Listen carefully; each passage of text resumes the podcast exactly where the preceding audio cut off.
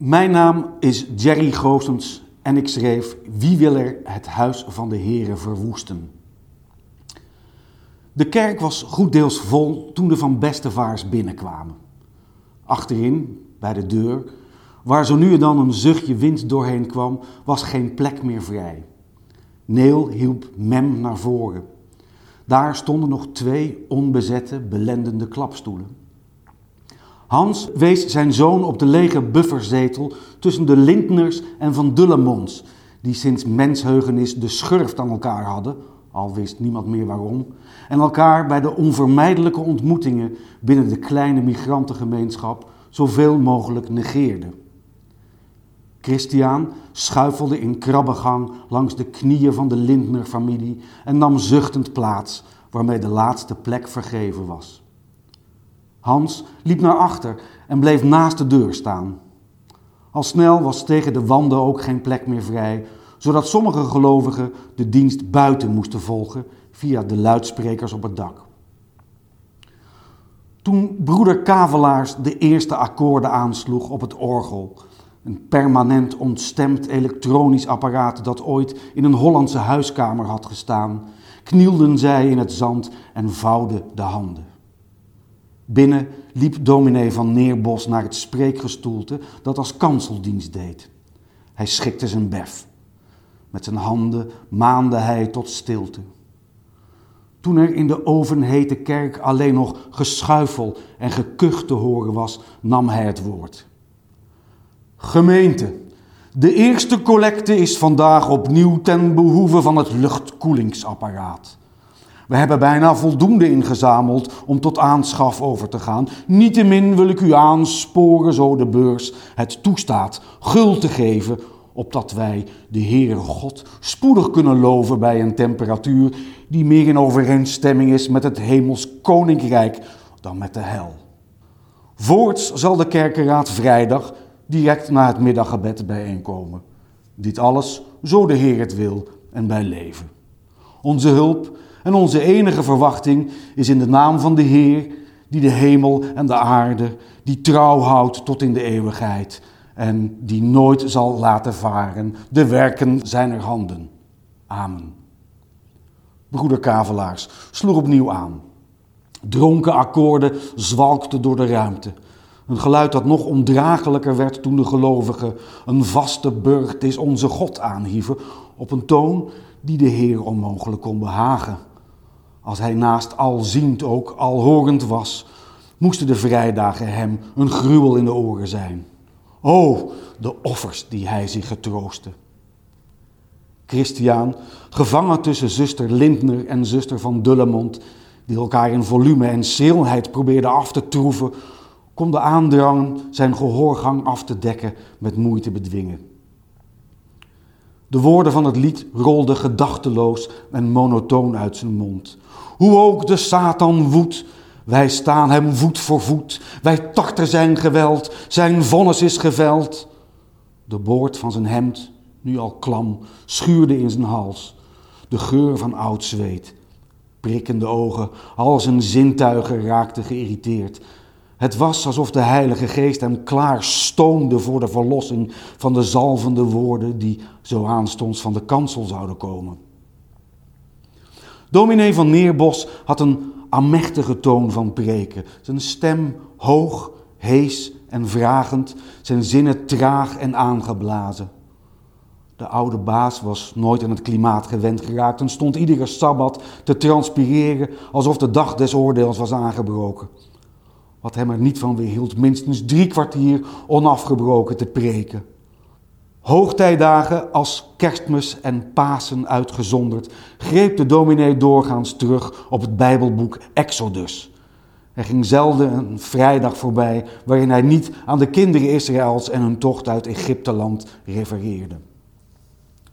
In zijn preken was Christus een kleine jongen die overschaduwd werd door de kolossale figuur van Mozes, met wie de dominee zich leek te identificeren. Ook Van Neerbos wilde zijn volk uit de woestijn leiden. Niet letterlijk natuurlijk. Bleek en dik als hij was, zuchtte hij nog altijd onder de hitte. Overdag kwam hij zelden buiten en alleen in de schaduw van een grote zwarte paraplu. Iedere stap leek hem een bovenmenselijke inspanning te kosten. Hij zuchtte, steunde en jeremieerde. In zijn linkerhand hield hij permanent een zakdoek ter grootte van een kussensloop, waarmee hij zijn voorhoofd en de plooien in zijn nek depte. Het duurde nooit lang voor de lap grijs en klam als een dweil was. Het beloofde land dat dominee van Neerbos zijn gemeente voorspiegelde, lag dan ook niet aan de overzijde van de lange, hete woestijn, maar in het koninkrijk Gods. Ook deze eredienst ging het weer over Mozes. Hoe hij beschroomd zijn blik had afgewend toen de Heer in het brandende braambos aan hem verscheen. Hoe hij vreesde dat de kinderen Israëls hem niet zouden geloven als hij ze zou vertellen dat de God van Abraham, Isaac en Jacob aan, aan hem verschenen was. Dat was het moment waarop de woorden van de dominee vleugels kregen. Terwijl het zweet met dikke druppels over zijn gezicht gutste, ging hij, als om dichter bij God te komen, op zijn tenen staan, boog zich, voor zover zijn embonpoint het toeliet, over de kansel en sprak met luider wordende stem over Mozes staf die als godsbewijs in een slang veranderde. Het was bepaald niet voor het eerst dat Christian het verhaal hoorde, maar toen de dominee vertelde hoe de Heere Mozes opdroeg zijn hand in eigen boezem te steken, zag Christian voor zijn geestesoog in huiveringwekkend detail hoe Mozes hand misvormd en melaats uit zijn boezem tevoorschijn kwam om even later weer tot gezond exemplaar te transformeren.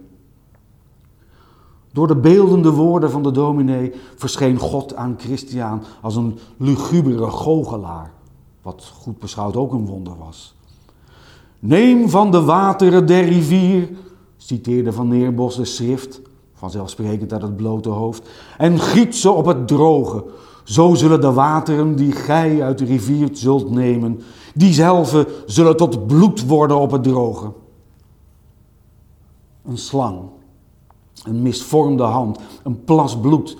De Heer had een macabere manier om zichzelf kenbaar te maken. De dominee hief zijn rechterhand en priemde met zijn vingers in de lucht, terwijl hij zijn linker onderarm op de rand van het spreekgestoelte legde en zijn gewicht nog verder naar voren verplaatste. Hij hapte naar adem om zijn preek van brandstof te voorzien. Maar toen stokte zijn stem. Hij trok zijn wenkbrauwen op keek de gemeenschap vragend aan en buitelde toen met kansel en al voorover. Met een dreun kwam hij neer op de leme vloer. Het kruis aan de muur trilde. Een moment was het doodstil in de kerk. Toen zette zuster van Dullemond het op een krijsen Waarna ook zuster Lindner een keel opzette, vanzelfsprekend harder en schriller dan zuster van Dullemond. En tenslotte brak er een cacophonie van hysterische stemmen als een wolkbreuk in het kerkje los. Vooraan stonden broeder Remmerswaal en broeder Van Nek aan de zwarte toga van de dominee te sjoren, in een kennelijke poging hem van zijn buik op zijn rug te draaien, wat nog niet eenvoudig was. Aan weerszijden van de kerk renden andere mannen onder wie vader van Bestevaar naar voren. Met vereende krachten lukte het de dominee op zijn rug te rollen. Wat, wat het lastig maakte om bij de sluiting van Van Neerbos Befje te komen. Broeder van Nek greep het aan de voorkant vast en probeerde het los te rukken. De kin van de dominee kwam omhoog en zijn hoofd viel achterover. Maar de bef liet niet los. De hele gemeenschap verdrong zich nu rond het roerloze lichaam. Vader en broeder van Nek maanden de gemeenteleden met brede armgebaren afstand te nemen. Hun poging bleek niet opgewassen tegen de zijwaartse druk van de tientallen gelovigen die gedreven door schrik en nieuwsgierigheid tegelijk een blik wilden werpen op hun dominee. Pas toen broeder Gauwzij en broeder Deleman tegelijk over zijn lichaam buitelden en in het geval van broeder Gauw zei, bovenop zijn omvangrijke buik terecht kwam, deinsde de gelovige naar achter. Vader van Bestevaar maakte van de ontstane ruimte gebruik om zich over de dominee te buigen, om te kijken of hij nog ademde. Toen dat niet het geval bleek, legde hij zijn oor op Van Neerborst borst, om vervolgens afwisselend zijn lippen op die van de dominee te drukken en hartmassage toe te passen. Zo abrupt als het rumoer in de kerk was losgebroken, zo abrupt hield het op.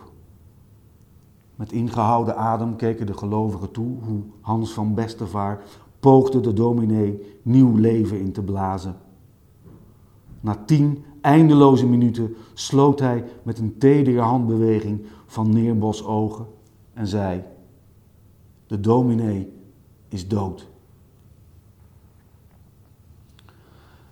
En als elke vrijdag bewoog de zwarte processie traag door de stoffige straatjes van Klein Amsterdam naar de kerk op het plein. De vrouwen het hoofd zedig bedekt, de mannen de handen voor het kruis gevouwen. Anders dan een afgemeten begroeting, morgen werd er niet veel gesproken.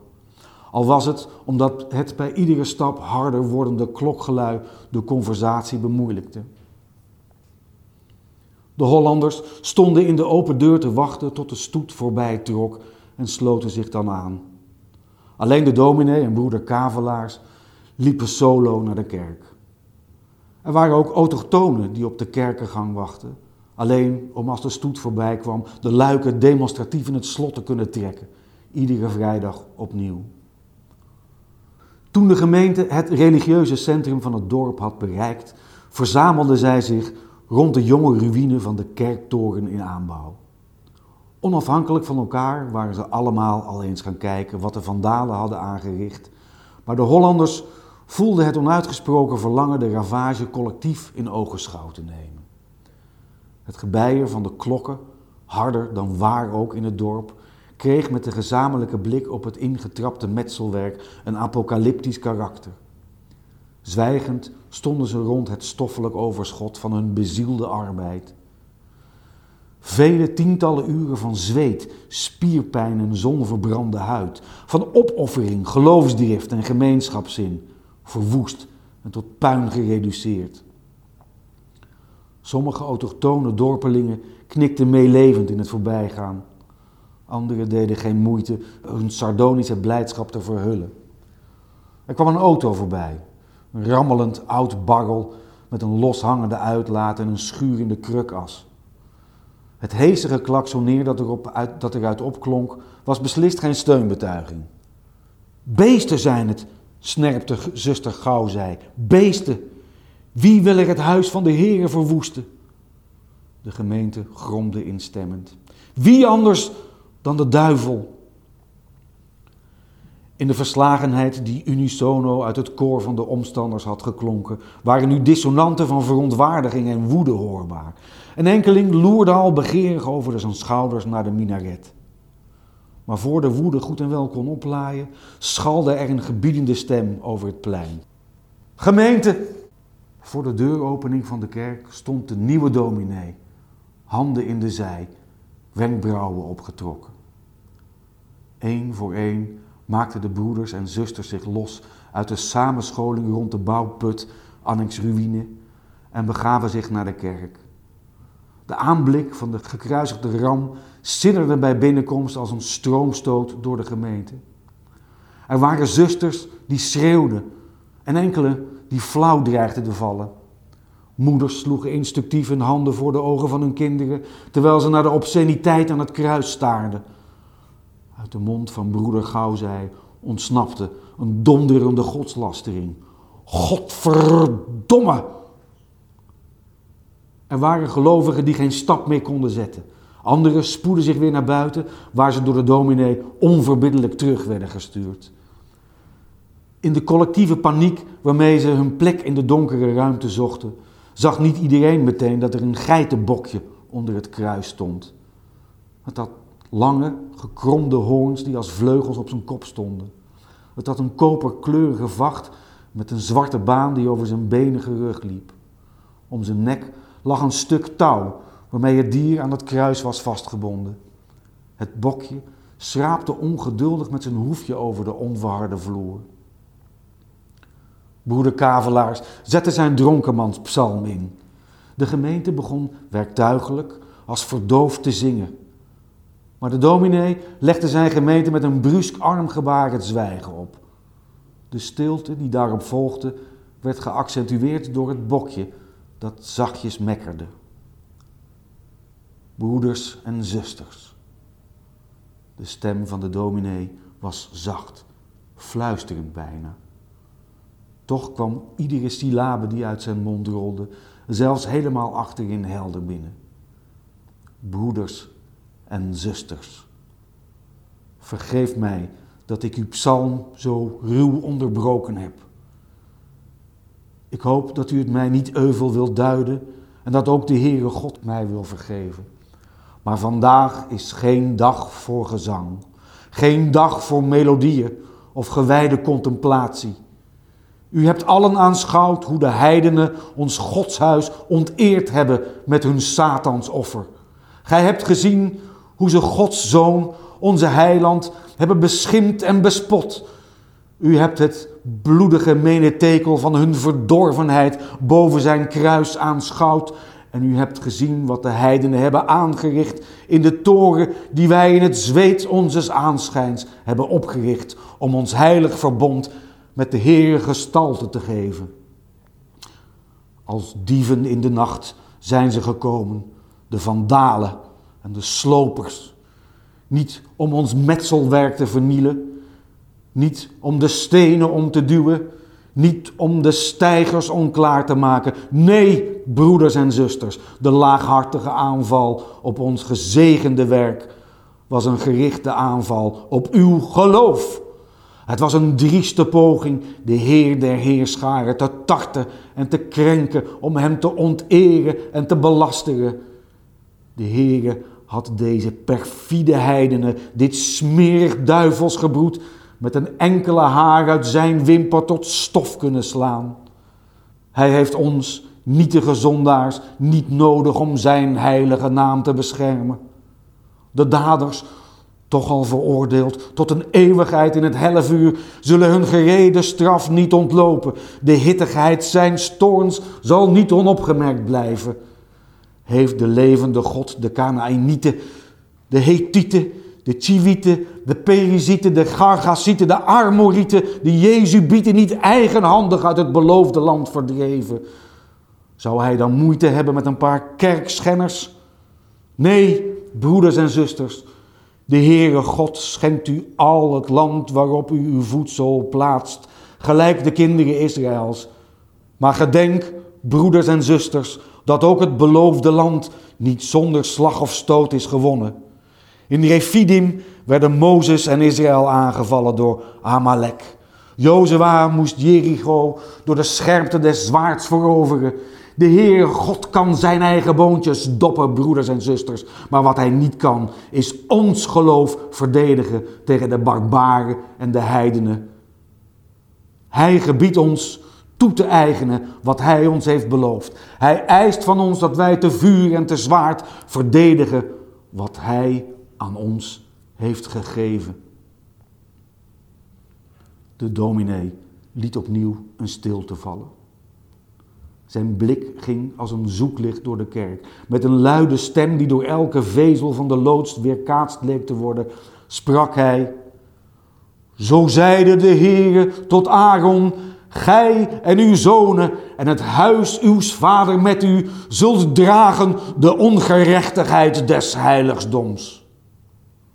Broeders en zusters, gemeente, zoals de Heere God Aaron en zijn zonen opdroeg, zorg te dragen voor de tent van samenkomst. Zo wil ik onze zonen vragen deze heilige plek te beschermen tegen de kwaadaardigheid en vernielzucht van de heidenen. Ik vraag alle jonge broeders van 15 tot 25 op te staan. Christian van B.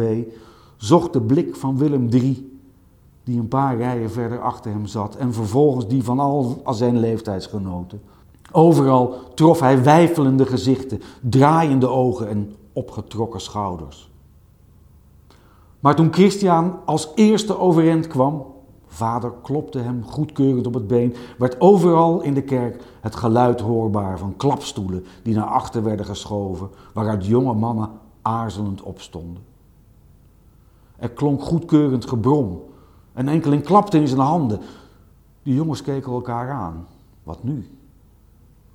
De stem van de dominee dreunde als een bronzen klok door de ruimte. Sta op, heilig het volk en zeg, heiligt u tegen morgen, want al zo zegt de Heer, de God van Israël. Er is een ban in het midden van u, Israël. Gij zult niet kunnen bestaan voor het aangezicht uw vijanden, totdat gij den ban wegdoet uit het midden van u. Geen van de jongens had enig benul wat de dominee precies bedoelde met heiligt u tegen de morgen of den ban wegdoen. Alleen het woord vijanden resoneerde. De gedachte aan de ruïne van de kerktoren, de ontheiliging van het altaar en de laffe zandkaffers die dat op hun geweten hadden, kreeg er een heroïsche glans van. Jonge broeders, vervolgde de dominee, steek uw rechterhand op, maak u op, word verlicht, want uw licht komt en de heerlijkheid des Heren gaat over op u. Kom naar voren, jonge broeders, kom naar voren. De jongens, tot een verbazing, maar ook opwinding, tot de levieten van het dorp gepromoveerd, schuifelden tussen de strak geformeerde rijen klapstoelen. De volwassen broeders en zusters stonden massaal op, om ze de ruimte te geven en ze bemoedigend op de schouders te slaan. Nog altijd onwennig bereikten ze het gangpad, waar ze pas op de plaats maakten tot alle jonge mannen, zo'n twintig in totaal, waren verzameld en ze collectief naar voren konden lopen. De dominee ontving ze met gespreide armen. De Heere God verlangt een offer, zei hij. Het offer van jullie dienst aan de gemeente. Jullie zullen tweetallen vormen en bij toerbeurt waken over de kerktoren. Iedere nacht, tot de bouw voltooid is. Jullie zullen het huis Gods en de waardigheid van deze gemeente verdedigen tegen de destructieve krachten die de Satan op ons afstuurt. Met hand en tand. De Heere God verlangt een offer. Uit het niets haalde de dominee een grote stalen dolk tevoorschijn. Het lamplicht in de geloofloods weerkaatste schitterend op het blanke metaal, waardoor het een toorts leek. Jonge broeder van Bestevaar, zei de dominee op bevelende toon. Christiaan van B. deed een stap naar voren, onwetend wat er van hem verlangd werd. Voorzichtig, maar gedecideerd overhandigde de dominee het mes. Christiaan hield het zo ver mogelijk van zich af, vanwege de instinctieve angst zichzelf ermee te verwonden. Hij bekeek het lemet, de snede, de vervaarlijke punt, de geribde, ebbenhouten greep. Was dit het wapen waarmee de dominee de kerkschenners te lijf wilde? Tot nu toe waren alle conflicten met zandkaffers met de blote vuist uitgevochten. Er was wel eens een steen gegooid en gedreigd met een stuk hout. Maar zowel in Klein Amsterdam als bij de oorspronkelijke dorpsbewoners leefde het ernstige besef dat de introductie van een serieus wapen tot een spiraal van geweld zou leiden. Een consequentie waar niemand te lang bij stil durfde te staan. Terwijl Christian van B. zich licht huiverend probeerde voor te stellen hoe het blad van de dolk tussen de ribben van een ander zou verdwijnen, hoe de snede diepe voren zou trekken waaruit het bloed als kwelwater omhoog zou borrelen, deed de dominee een paar stappen naar achter om het touw waarmee het bokje aan het Christuskruis was gebonden los te knopen. De dominee stapte over het beestje heen, alsof hij het wilde bereiden, en greep het bij de hoorns. Trefzeker dwong hij de kop van het dier opzij, terwijl hij er met zijn voet een diepe houten kom onderschoof. Hij knikte naar Christian van B. Jonge broeder van Bestevaar. Christian keek hem verschrikt aan. Wat? De Heere God heeft de zorg voor de heilige gave aan jou toevertrouwd.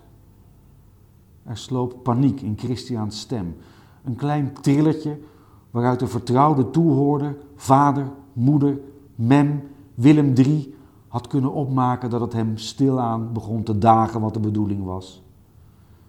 Ineens was de destructieve kracht van het scherpe mes geen denkoefening meer, geen abstractie die hij in zijn verbeelding tot leven kon wekken, maar een werkelijkheid die alleen nog door de tijd werd getemperd.